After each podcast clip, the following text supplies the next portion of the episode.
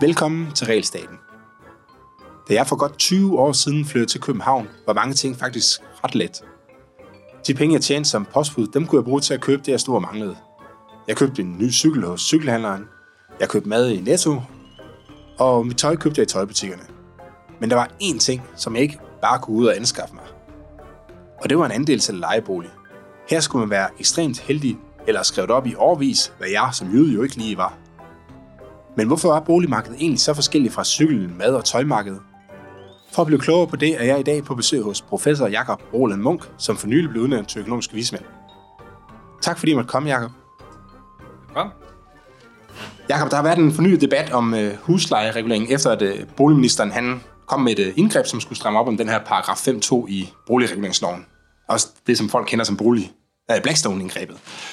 Øh, men det er ikke så meget selve indgrebet, jeg vil snakke med dig om, men mere sådan huslejereguleringen øh, generelt, øh, som jeg ved, da du tidligere var i det økonomiske råd som, øh, som konsulent, der, øh, der, der lavede du noget arbejde omkring øh, huslejeregulering, og du har også publiceret nogle artikler inden om det emne. Øh. Ja, det er rigtigt. Ja, ja Men, så, så, så øh, det, det var simpelthen i anledning af, af vismandsrapporten fra foråret 2001, der altså, var som et kapitel om boligmarkedet. Ja, det, det, det er lidt gammelt, men mange af ja. tingene er jo, er jo stadig relevant, ikke? Altså den økonomiske viden om, om reguleringen gør ved et, øh, ved et marked er stadig relevant. Men inden, inden vi for alvor går i gang, så jeg godt tænke mig at spørge dig, om du har brudt loven for nylig. øh, jeg vil sige, jeg var meget tæt på her den anden dag, da jeg, da jeg havde været en uge på vinterferie i uh, USA, og der havde en lejebil, og i USA så er det sådan, når man stopper op for, for rødt, så må man faktisk godt uh, køre over for rødt, hvis man drejer til højre.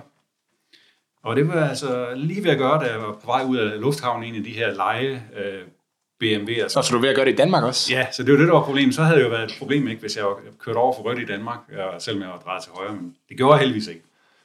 Okay, det, det, var, det var... Ja, det tæller jo ikke rigtigt som et lovoverbrud.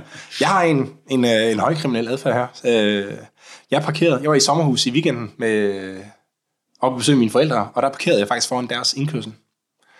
Og det er strengt forbudt. Øh, ja. Så, nå, Jacob, lad os uh, gå direkte til sagen. Hvorfor har vi huslejeregulering i Danmark? Ja, men altså, det er jo, det er jo en øh, regulering, der stammer tilbage fra 2. verdenskrig. Øh, efter krigen, der var der simpelthen mangel på boliger, og det var et indgreb, man indførte dengang for simpelthen at undgå, at man skulle betale alt for høje huslejer. Øh, så det, det, kunne, det gav sikkert god mening, og man, det var faktisk noget, man indførte i, i mange lande efter 2. verdenskrig.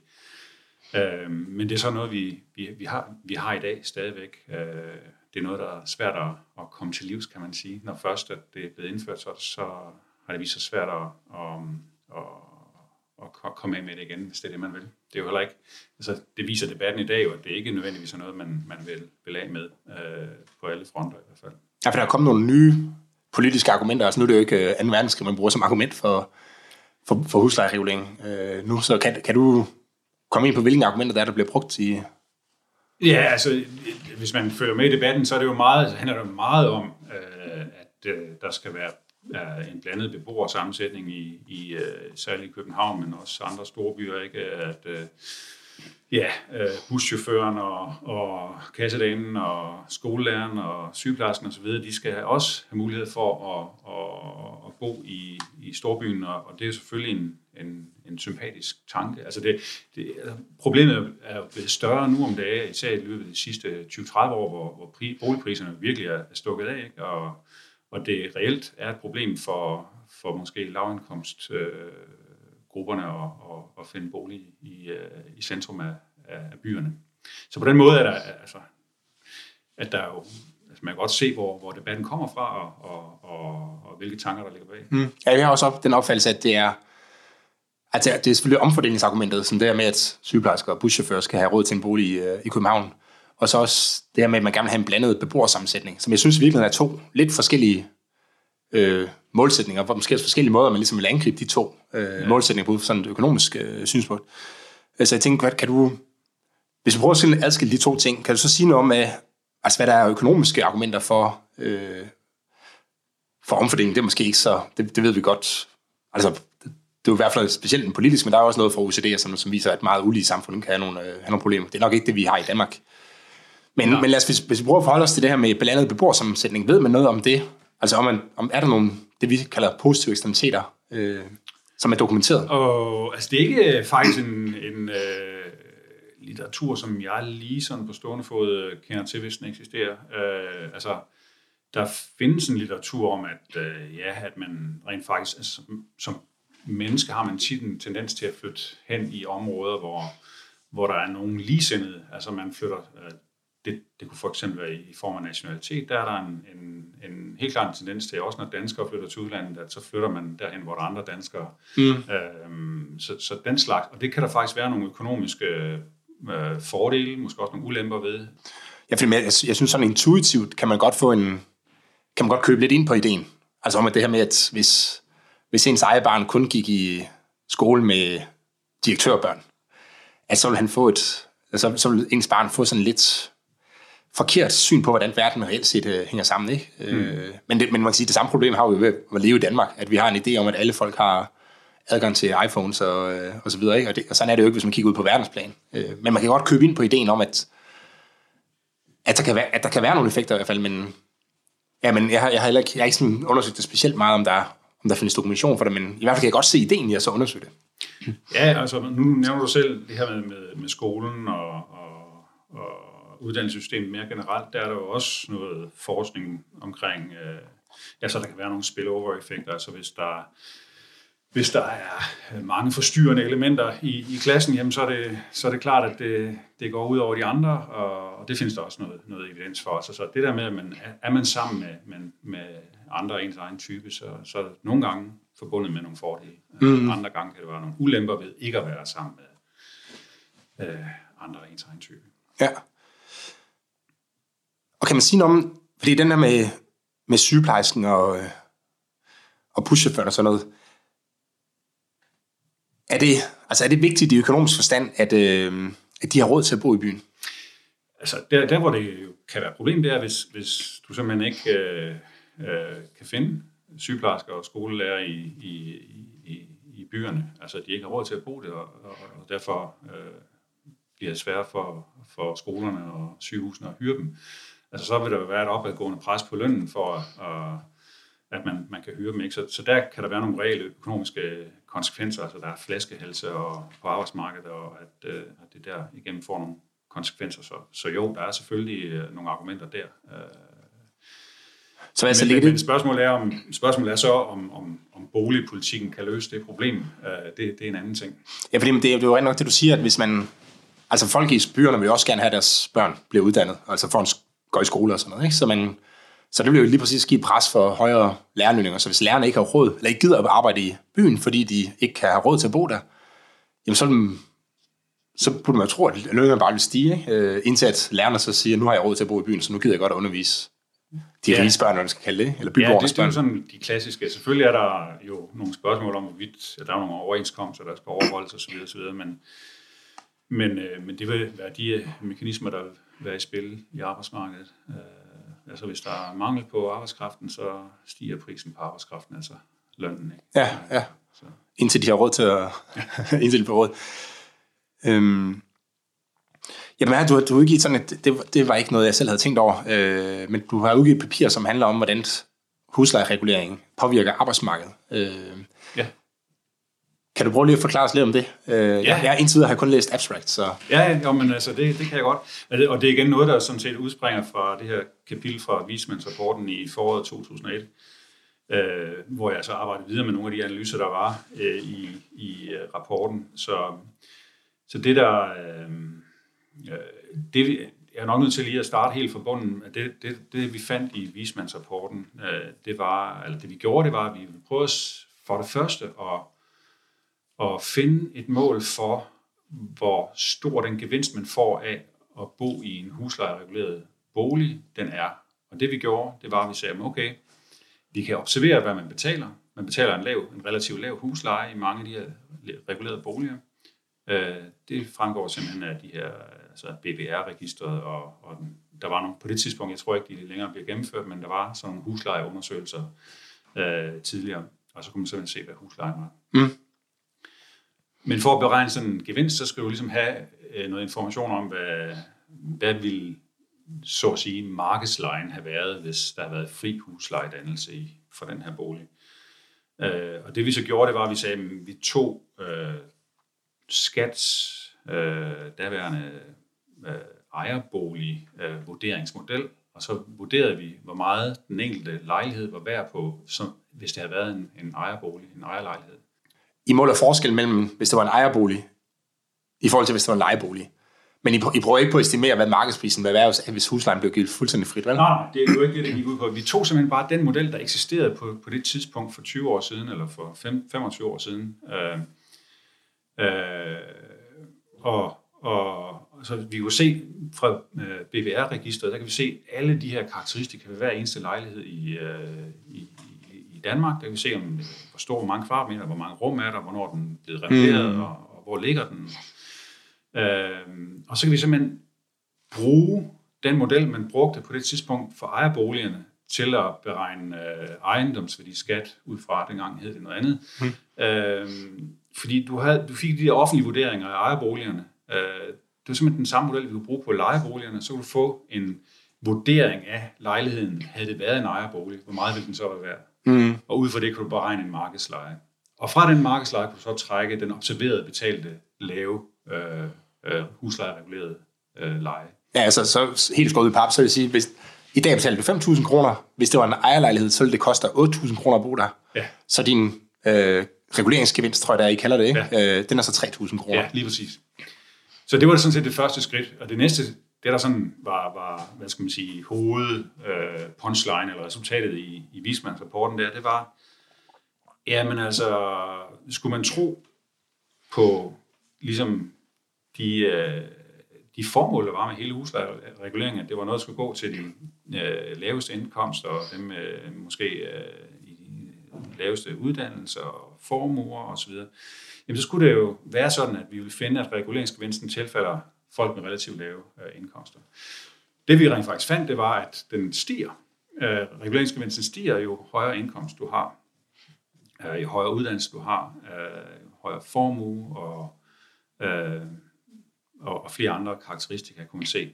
Så det var, det var dybest set sådan, at jo bedre stillet du er, rent økonomisk, øh, socioøkonomisk øh, set, jo, jo højere reguleringsgevinst får du. Og det var jo ikke lige præcis det, vi havde, altså, man, altså øh, forsvarende for huslejereguleringen, for eksempel lejernes LO, som vi havde debatter med dengang, jamen de havde jo faktisk øh, regnet med, at det var omvendt, ikke? Øh, så, så det var jo lidt et, et overraskende måske øh, resultat, øh, men man kan jo forklare det ved, at det, det er sådan, at når, når øh, man skal have en af de her regulerede boliger, jamen, det er jo netop, som du siger, du betaler kun 5.000 for noget, der måske er 8.000 kroner værd.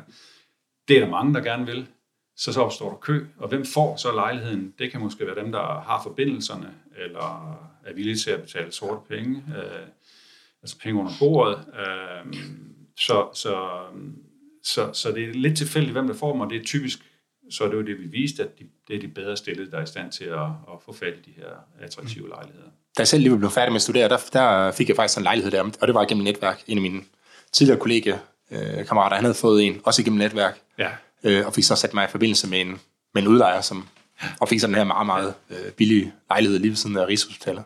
Ja, altså, altså det, er jo, øh, det tyder på, at det er en meget sådan grundlæggende mekanisme, at der, når, når der er noget, der har en pris, der er lavere end det, det er værd, jamen så, så er der mange, der gerne vil have fat i det her, den her øh, lavt prissatte vare. Og, og, og det, der faktisk måske i virkeligheden var mest overraskende, det var, at det også gælder i den almene sektor.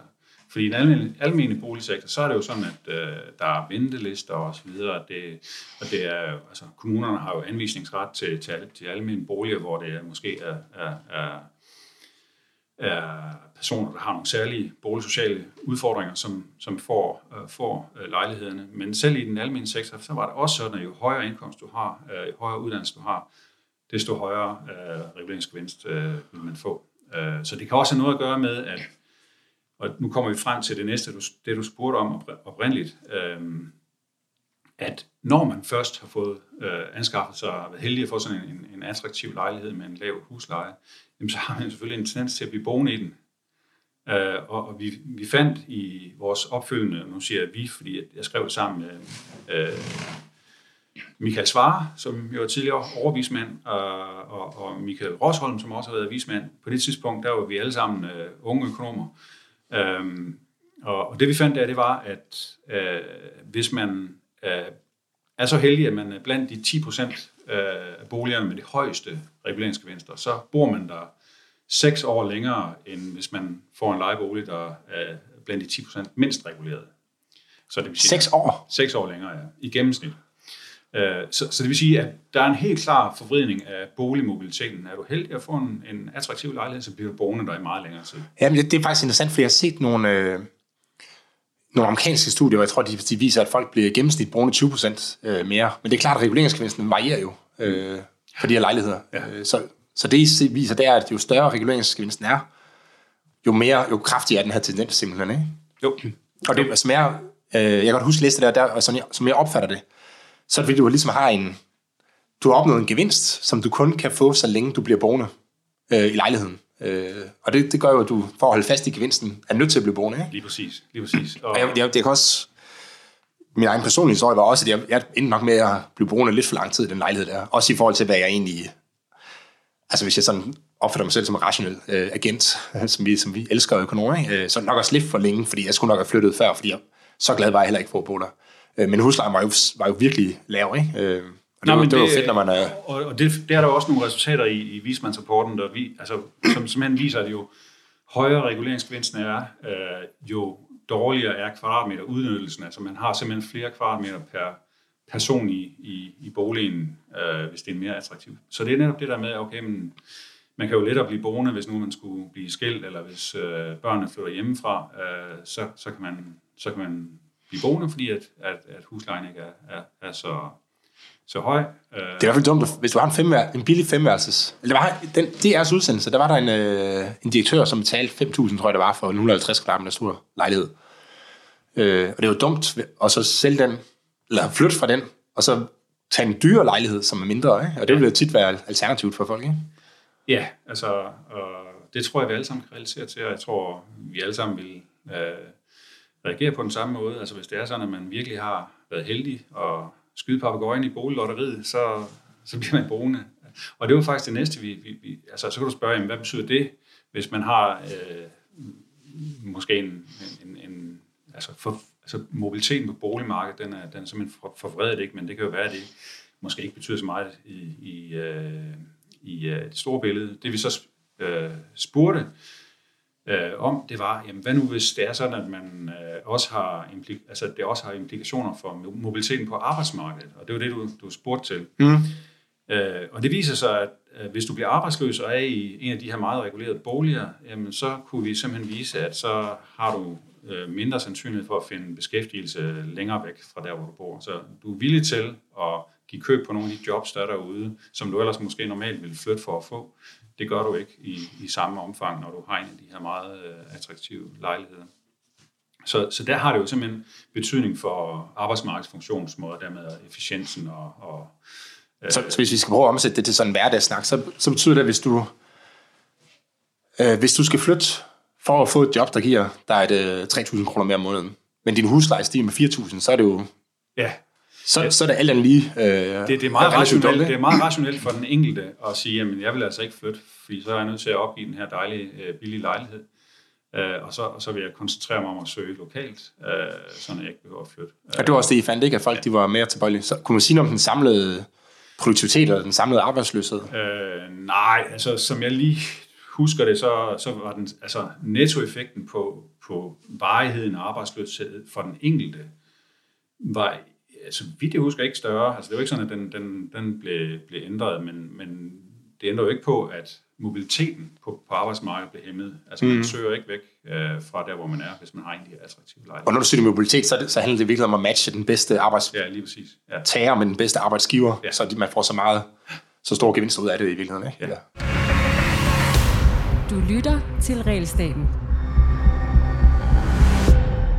I forhold til det her, I fandt med, at det specielt var de, altså de velstillede, der, der fik de store reguleringsgevinster. Så, havde, så kom Boligøkonomisk Videnscenter, og de fik et Dream til at lave en analyse i 12, tror jeg det var, 2012, altså nogle år senere, som i hvert fald blev meldt ud, som om den viste det modsatte. Øh, jeg ved ikke, har du læst Den... Jeg må simpelthen tilstå, at jeg, ikke, jeg har ikke været forbi den rapport. Jeg har været sådan lidt altså sådan i, for min eget forskningsområde, så har jeg været væk fra boligmarkedet. Det var egentlig meget spændende at være en del af, men, men øh, jeg er vendt tilbage til det, jeg sådan set skrev PhD om i tidernes morgen, øh, sådan så i, i de senere år, efter jeg kom tilbage til universitetet i 2004, så har jeg fokuseret på globalisering af arbejdsmarkedets øh, sammenhængende, så, så jeg har sådan set været lidt væk fra, fra okay. bolig. bolig fordi, så, okay, det er, altså, fordi som jeg opfattede det, der, øh, der det, de kom egentlig frem til det samme som jeg, at det var de højeste, øh, altså de der top 10 procent, de, de fik de største reguleringsgevinster.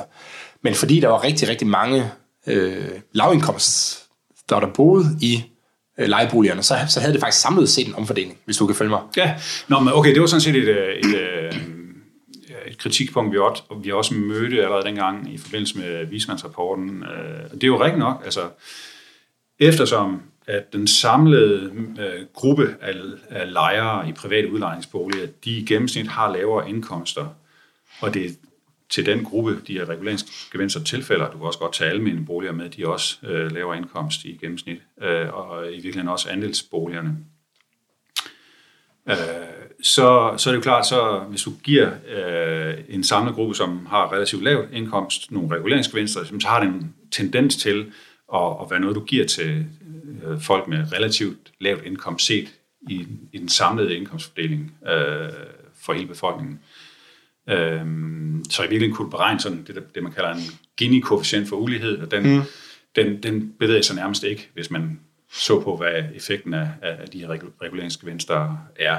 Så på den måde så viser det jo også, at det ikke er noget, der er sådan forværrer uligheden, at du giver reguleringsgevinster til nogle lejere, der har høj indkomst, relativt høj indkomst inden for gruppen af lejere. Det ender jo, ikke, det ender jo netop ikke ved det, at det er de bedst stillede lejere, der får reguleringsgevinsten i, i højere grad. Øh, så det var også noget, vi, vi, øh, vi øh, debatterede dengang. Man kan sige, at i virkeligheden synes jeg, det er sådan lidt en misforstået diskussion. Der, hvor jeg tænker, at det store problem er i sådan et lighedsperspektiv, det er, at reguleringsgevinsterne, de er, det er jo simpelthen at skyde med spredhav. Mm. Det, det er enormt tilfældigt, hvem der lige får sådan en, en reguleret bolig. Ikke? Og, og så det, det vi uh, i økonomisk sprog kalder horisontal ulighed. Altså det, at to, uh, to ens personer, to, to personer med den samme indkomst, de kan risikere at blive behandlet vidt forskelligt på boliglotteriet. Ikke? Uh, hvorimod for eksempel i skattesystemet, så er det nærmest uh, uh, per definition sådan, at hvis du har to personer med den samme indkomst, så betaler man det samme mm. indkomstskat. Ikke? Øh, så, man, så, så, den, så den er med til at øge den horisontale ulighed? Ja, i, det, det, må, det må være sådan. Vi lavede faktisk også nogle beregninger øh, efterfølgende øh, i, i en artikel i øh, Samfundsøkonomen, hvor vi sammenligner med boligstøtte, som jo lidt er noget, der har det samme formål, det er, nemlig det at, at, at sørge for, at folk har, har råd til at bo i, i, i bolig, men får et tilskud, som er beregnet ud fra husleje og indkomst. Så så hvis du, hvis du ser på, hvordan boligstøtten er fordelt over hele befolkningen, så er det sådan, at 93 procent af al boligstøtten, sådan var det i hvert fald dengang, den går til den nederste halvdel i indkomstfordelingen. Så det er meget mere direkte? Det er meget mere målrettet, mens at for reguleringsgevinsterne, så er det kun 60 procent af, af den samlede reguleringsgevinst, som går til folk i den nederste mm. halvdel af indkomstfordelingen. Jeg havde faktisk tænkt over den der med en horisontal ulighed, men det må også være sådan noget, der kan føre til altså man, hvor man godt kan komme til at føle lidt misundelse, ikke? Altså, man, jeg kan bedre forstå, hvis der er, at, øh, der er en eller anden, der har gjort karriere som konsulent, som jeg selv var i gang med, men som jeg ligesom har droppet lidt. Men dem, der har kørt videre der og tjener meget høj løn i dag, kan jeg godt sådan ligesom, okay, fair nok, de tjener med mig. Øh, men hvis det ligesom er, at de sådan lidt tilfældigt bliver tildelt en meget stor gevinst, så vil jeg måske i højere grad føle, det uretfærdigt. Ja, og det, og det, er, jo, det, det er jo lige præcis det, som øh, jeg tror, der er mange, der kan relatere til, og som vi kender vel alle sammen nogen, der har været heldige at få en meget billig leje, lejebolig på et eller andet tidspunkt i, i livet. Uh, og hvorfor er det lige uh, mine venner, ikke uh, mig selv, der, der har været heldig? Mm. Uh, det er der jo ikke rigtig nogen uh, rimelige forklaringer på, uh, kan man sige. Uh, og, igen, det, det skyldes jo, at uh, når man har de her, uh, altså når man har en regulering af huslejen, så er der nogen, der får noget, der til en pris, øh, som, øh, hvor, hvor, hvor den reelle pris faktisk, eller den reelle værdi faktisk er større, ikke? og så er der mange, der gerne vil have det, men det er ikke alle, der kan få det, så derfor så, øh, så bliver det sådan en, noget tilfældighed. I, Nej, man kan da sige, at det her, det gør, altså ikke nok med, altså hvis nu du også tog, at du havde fået en billig øh, lejlighed, så ikke nok med, at du havde fået en gevinst, som jeg ikke kunne få, men selve reguleringen gør det faktisk så sværere for mig at komme ind på det københavnske boligmarked, fordi den del, der ikke er reguleret, vil jo blive presset op i pris, når man ligesom fjerner en del af, af markedet. Øh. Ja, det, det er en anden ting. Altså, det er selvfølgelig rigtigt, at der er nogle, øh, hvad skal man sige, nogle afsmittende effekter på øh, den del af boligmarkedet, hvor der er fri øh, prisdannelse. Øh, så, så man kan jo tænke på det sådan, at, at øh, hvis det er sådan, at du frigav huslejereguleringen, og at huslejerne pludselig øh, fik lov til at stige, så vil den del af boligmarkedet opsuge noget efterspørgsel, og den bliver så øh, omdirigeret fra øh, ejerboligmarkedet, kan du mm. sige, og så vil det... Øh, det er ligesom, at, lidt ligesom at blande en kop varm vand og en kop kold vand, ikke? Altså, jo, det, det kolde er de meget lave priser, og det varme er det meget det kan du godt, er høje priser. Det kan du altså, godt hvis sige. Hvis du blander dem, så får man en eller anden gennemsnitstemperatur, som selvfølgelig afhænger af, hvor meget koldt vand og hvor meget varmt vand og temperaturen på de faktorer. Ja. Men... Det, det er et meget godt billede. Altså, der er sådan lige nogle, nogle, nogle, øh, nogle fodnoter med, at der kan være nogle teoretiske mekanismer, der kan gå i begge veje og sådan noget. Men altså, jeg tror, øh, det meste evidens peger på, at det er sådan, det, det mm. hænger sammen. Ikke? At øh, hvis du frigiver huslejen, så falder øh, ejerboligpriserne, og omvendt ikke. Hvis du strammer reguleringen, så, så vil det nok have en tendens til, at øh, ejerboligpriserne stiger en lille smule. Ja, jeg lige skrevet et blogindlæg her med... Hvor jeg skrev, at man skulle sende en, at boligejerne skulle sende en flaske rødvin til Kåre Dybvad, fordi han er jo også der er bolig i København. Vores priser, de er jo lige for et lille, et lille skub op af med, ja, med den nye her, den stramme regulering. øhm, der, er en, der er en, som øh, jeg selv er en lille smule tvivl om, men man har den her, øh, altså huslejereguleringen gælder kun boliger, som bygget før 1992. Øh, og derefter har man ligesom gjort det altså frisat øh, markedslejen, så hvis der er byg, bliver bygget en ny øh, bolig, så kan man egentlig tage den husleje, som man har mere eller mindre har lyst til. Ja. Øh, kan, har du nogle tanker om, hvordan det påvirker... Øh, altså man kan sige, en helt konkret ting er jo, at man ikke får det her problem, som man har i andre store byer med, at der ikke bliver bygget nye øh, lejeboliger, fordi man ikke kan tjene penge på det.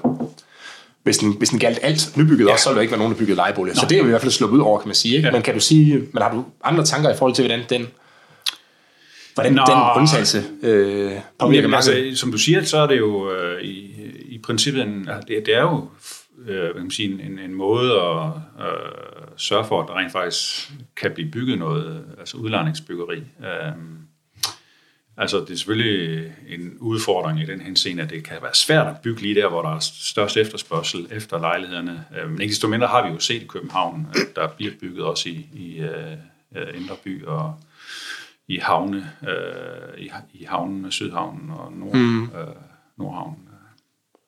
Øh, men så er der jo nogle, øh, også nogle, hvad skal man sige, nogle udfordringer i form af, at øh, der er begrænsninger på, øh, hvor store de skal være, de lejligheder, der bliver bygget. Altså, der er sådan en krav om mindst 95 kvadratmeter, så vidt jeg husker. Ja, ja. Man må ikke bygge noget, der er mindre end 50 kvadratmeter, øh, blandt andet i København. Nej, og det, og det kan man sige, det er jo lige præcis det, var måske noget, man, man kunne overveje at se på, fordi hvis man gerne vil have, at, at folk med lave indkomster har råd til at bo i byen, så kunne man måske sige, at man kan sige, okay, jeg får lov til at bo i byen, men til, til gengæld på lidt færre kvadratmeter. Øh, men øh, altså, der tror jeg også, man skal huske at se det sådan lidt i historisk øh, perspektiv, fordi hvis man går, jeg tror det var Michael Møller, der er professor på CBS, han sagde engang, at øh, København er, er verdens største kollegium, fordi vi havde, hvis i hvert fald man går til 20-30 år tilbage, så var der rigtig mange små toværelseslejligheder i København, øh, og som man dengang tænkte ikke rigtig var, altså det passede ikke rigtig sammen øh, i forhold til, til efterspørgselen. Dengang var priserne også væsentligt lavere, kan ja. man sige. Ja. Øhm, og siden gang har, har der været mange sammenlægninger af andelsboliger og, og nybyggeri, som sagt, det, det skal have en vis størrelse, så så jeg vil tro i dag, så, øh, jeg kender ikke tallene, men, men jeg vil tro i dag, så er den gennemsnitlige størrelse af lejlighederne formentlig større i, i, i København, men hvor man måske kunne argumentere for, at man også skulle bygge noget, der var mindre, øh, for netop at, at give folk øh, med alle indkomstbaggrunde mulighed for at bo i, øh, i København. Altså København har i hvert fald set, at andelen af boliger, der er større end 100 kvadratmeter, er steget øh, rigtig, rigtig meget, siden man indførte den her krav om, at de skulle være over 95 kvadratmeter i, i gennemsnit. Ja. Selvom i Aarhus og, og Odense Øh, der, der, er den, der er den udvikling været ligesom flad, ikke? Altså der udgør det cirka 10 procent, og okay. i København er det stedet op til sådan 16-18 procent nu. Okay, fra det samme er, udgangspunkt. Det er jo meget interessant og egentlig tankevækkende. Øh, spørgsmålet er, om, om, om det er um, egentlig i uh, befolkningens og regeringens interesse, uh, at det er sådan. Uh, uh, men altså, ja, det, man, man skulle også synes, at det så, så giver anledning, i, anledning til, at, uh, at uh, lejerne i de her større boliger alt lige bliver mindre, fordi der er flere af dem end, end, end ellers. Så, så der vil selvfølgelig mm. også være den slags uh, effekter. Jeg, så, jeg tror, man, altså i, i virkeligheden er der jo tre måder, man kan begrænse boligmangel, eller hvad skal det prisstigningen på, øh, i, i, i en by som København. Og det er jo, altså enten kan man begrænse tilflytningen fra land til by, øh, eller man kan udnytte den eksisterende boligmasse bedre, eller man kan bygge flere boliger. Ikke? Mm. Øh, og den her med indvandring, eller tilvandring fra, fra land til by, det er jo sådan en global tendens, som nok er, altså man kan selvfølgelig godt lave noget omfordeling, som nu snakker vi om den her kommunale udligning, det er jo en måde at så begrænse det på, kan man sige. Ikke? Det er nok ikke lige det, der er målsætningen med det, men, men det, det vil jo lægge en lille dæmpe på det. Øh, og så har man så udnyttelsen af den eksisterende boligmasse, hvor i hvert fald som jeg ser det, der er, der, der er det stort potentiale i at fjerne øh, huslejereguleringen, ikke? eller få den afdæmpet på en eller anden måde. Øh, og så det med at bygge nye, som vi lige har været lidt inde på, med at ja. altså simpelthen sætte markedet lidt mere fri. Og, og København har jo en relativt lav befolkningstæthed i forhold til mange andre øh, storbyer, så, så det er jo ikke fordi, der, er, der kan jo sagtens bygges mere i København, hvis man er villig til at gå på kompromis med nogle af de, noget af det regulering, der er nu. Ikke? Øh, jeg bor selv i en, en haveforening 5 km fra, fra centrum her, hvor, øh, hvor der er 30 procents bebyggelse, altså med højst byg, 30 procent af grunden med, med, med bolig, og kun ja. i et plan. Ja. Og det er jo relativt lidt i, altså i Københavns Kommune. Ikke? Så, så der er masser af muligheder for, så, for at bygge mere, ja. eller for at skrue på de to af dem. Ikke? Ja. Tilvandring fra land til by er nok svært, det for. Ikke?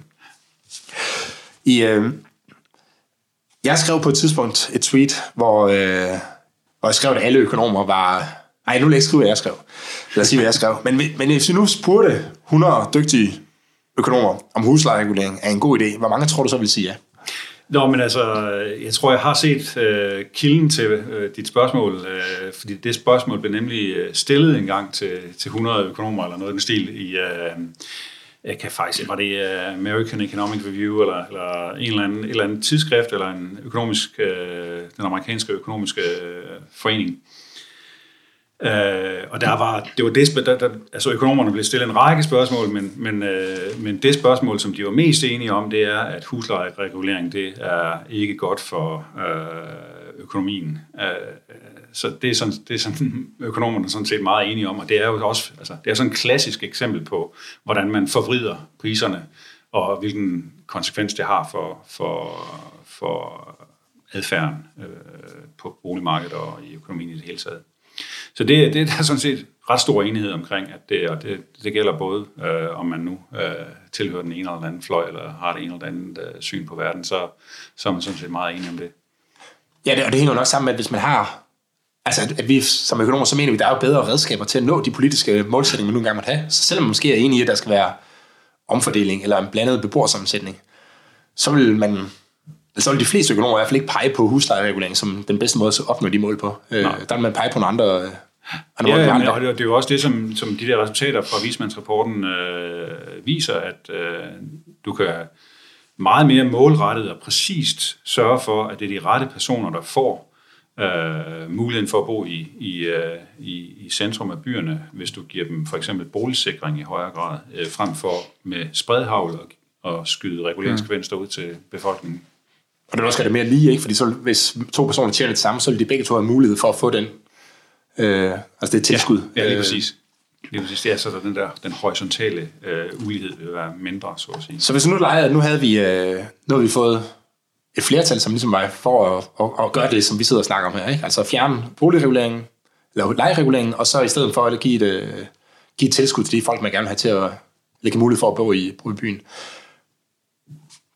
Har vi nogle idéer til, hvordan man skulle finansiere det?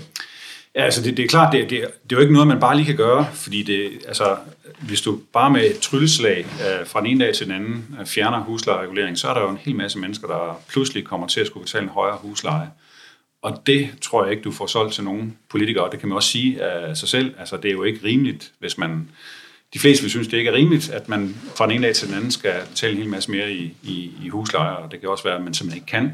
Så det vil sende en hel masse mennesker øh, i en, øh, en meget altså, vanskelig situation. Ja, det kan være, at du har børn, der går i skole og ja, alt muligt, som gør. Præcis. Øh, så er spørgsmålet, om man kan finde på en måde, hvorpå man overgår til et mere frit øh, boligmarked hen ad vejen. Øh, og og der, der er forskellige øh, idéer. Altså, hvis man igen, hvis man bare frigiver huslejen, så står udlejerne, altså ejerne af udlejningsbyggeriet, øh, til at få en kæmpe stor kapitalgevinst. Ikke? Og der, en, en oplagt måde kunne jo være at sige, okay, vi beskatter øh, de kapitalgevinster, der måtte, måtte opstå, og så føre dem tilbage måske til målrettet til dem, der har boet der. Men øh, en anden mulighed kunne være at sige, øh, at fordi det vi, det vi faktisk har i Danmark, det er det såkaldt øh, traditionel huslejeregulering, old school huslejeregulering, hvor der ikke er mulighed for at justere lejen selv efter, at man frivilligt flytter fra boligen. Det man kalder lidt mere moderne øh, huslejeregulering i, i litteraturen, øh, der har du mulighed for som udlejer simpelthen at justere lejen til, hvad du nu måtte ønske, når, man, når du har en lejer, der flytter fra, fra lejligheden. Så mm. der er altså ikke nogen, der får mulighed for pludselig få en højere øh, øh, leje, mens man bor der. Så det er derfor, det, det, det stadigvæk er huslejeregulering, men altså en moderne form for huslejeregulering, hvor, hvor den kan bevæge sig. Det vil selvfølgelig ikke øh, løse det her, de her problemer med, at man, man kan bo der i lang tid, hvis man over tid får en, en, en meget lav husleje som følge af markedet på, øh, altså udvikling på boligmarkedet derudover. Men det, men det vil alligevel give mulighed for, at, at udlejeren kan sætte lejen op og vedligeholde øh, øh, boligen. Så der vil være nogle, nogle, øh, nogle måder, hvorpå man kan komme over imod mere øh, hvad skal man sige, fleksibelt fungerende øh, boligmarked. Det vil, stadig, det vil stadigvæk ikke, der vil stadigvæk være mange ulemper ved den løsning, så, så, så det vil bare for at sige, at det, det kunne man overveje, det gør man i, i, i visse andre lande, for eksempel i USA, øh, i San Francisco eller New York har man også haft øh, erfaringer med den slags øh, husleje. Men, det, men den løsning vil jo stadigvæk gøre, at, at dem, der ejer ejendommen, vil få en kæmpe stor gevinst, ikke? Det vil Men jeg har nemlig foreslået til en anden løsning, som måske vil den, altså, den synes jeg også bliver urimelig, men den vil i hvert fald flytte gevinsten. Hvis man nu, hvis man nu øh, udover kunne eje ejendommen, øh, også kunne have retten til at bo der til en eller anden given husleje. Så dem, der bor der i dag, det simpelthen fik et bevis på, at nu er det dig, der kan bo her til den her øh, Ja, lave husleje. Og, så, og det var selvfølgelig sådan et bevis, der måske kunne handles og købes af ham, der ejer ejendommen, så han kunne Ja. få den fulde ret over lejligheden. Ikke? Men det var faktisk også noget, øh, det var faktisk et forslag, vi også kom med i, øh, altså min, min øh, kollega på det her tidspunkt, Anne-Christine Høj, og jeg beskrev i Samfundsøkonomen lige præcis om det her forslag, som egentlig kommer fra øh, en professor på Harvard, øh, Edward Glaser, øh, Ja, som, øh, som, som netop foreslår, at okay, hvis vi skal ud over det her med, at det, for det er jo, man kan sige, det er urimeligt, hvorfor skulle øh, udlejerne pludselig have en kæmpe kapitalgevinst? Hvorfor ikke bare give den til lejerne i stedet for? Og det kan man gøre på den her måde, ved at man, siger, at man giver dem et, et bevis, som du siger på, at de har retten til at bo der. Det kan de sælge til udlejeren, hvis de vil. De kan også bare blive boende. Øhm, og så har den, det her bevis en eller anden, en eller anden værdi, den, en kapitaliseret værdi af huslejeregulering, kan du sige. Øh, man kan sige, det er også sådan lidt øh, tilfældigt. Hvorfor er det lige de lejere, som, Ja, det er det som, i det, som, som bor der, der skal have de her gevinster, og ligefrem få lov til at kapit- kapitalisere gevinsten ud i al fremtid.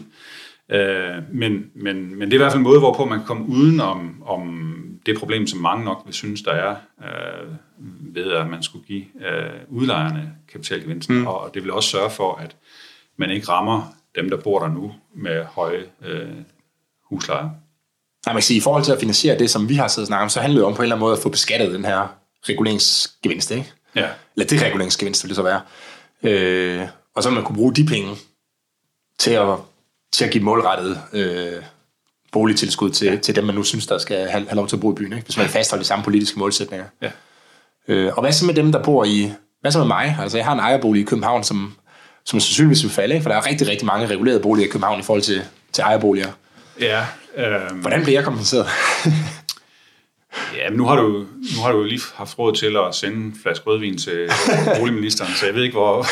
og i øvrigt, så, så har det, er det jo kun gået én vej her de senere år. Øh, men altså, så jeg ved ikke, om, om, om, om, om det er noget, som mange vil opfatte som et problem. Altså det er klart, det, selvfølgelig hvis det er sådan, at det giver, giver anledning til meget store prisfald på ejerboliger i København, at man frigiver huslejen på den her måde, øh, så, så vil der være en udfordring der. Øh, så man skal, jeg tænker, at man skal vælge øh, tidspunktet, hvorpå man indfører sådan et øh, indgreb her. Måske netop i en fase, hvor det går fremad på boligmarkedet, hvor mm. priserne er stigende, så vil, det, så vil det være lettere at undgå de her hvad skal man sige, øh, bivirkninger øh, for andre grupper på, på, på boligmarkedet. Ja, man så gør det også lidt langsigtet, for det... Ja, altså det, så det ikke bare lige fra en ene dag til en anden, så, så, så, vil, øh, så vil det kunne langsomt øh, blive øh, indført, uden at der er nogen, der, der bliver hårdt ramt. Ja, det har været øh, super interessant og, og spændende at snakke med dig. Ja, tak lige meget. Øh, og til jer, der sidder derude, så tak fordi I lyttede med. Jeg håber, I vil følge Regelstaten på iTunes, Google Podcast, eller hvor nu plejer at få jeres podcast fra. I er meget velkommen til at skrive kommentarer og stille spørgsmål, så vil jeg forsøge at svare så godt jeg kan.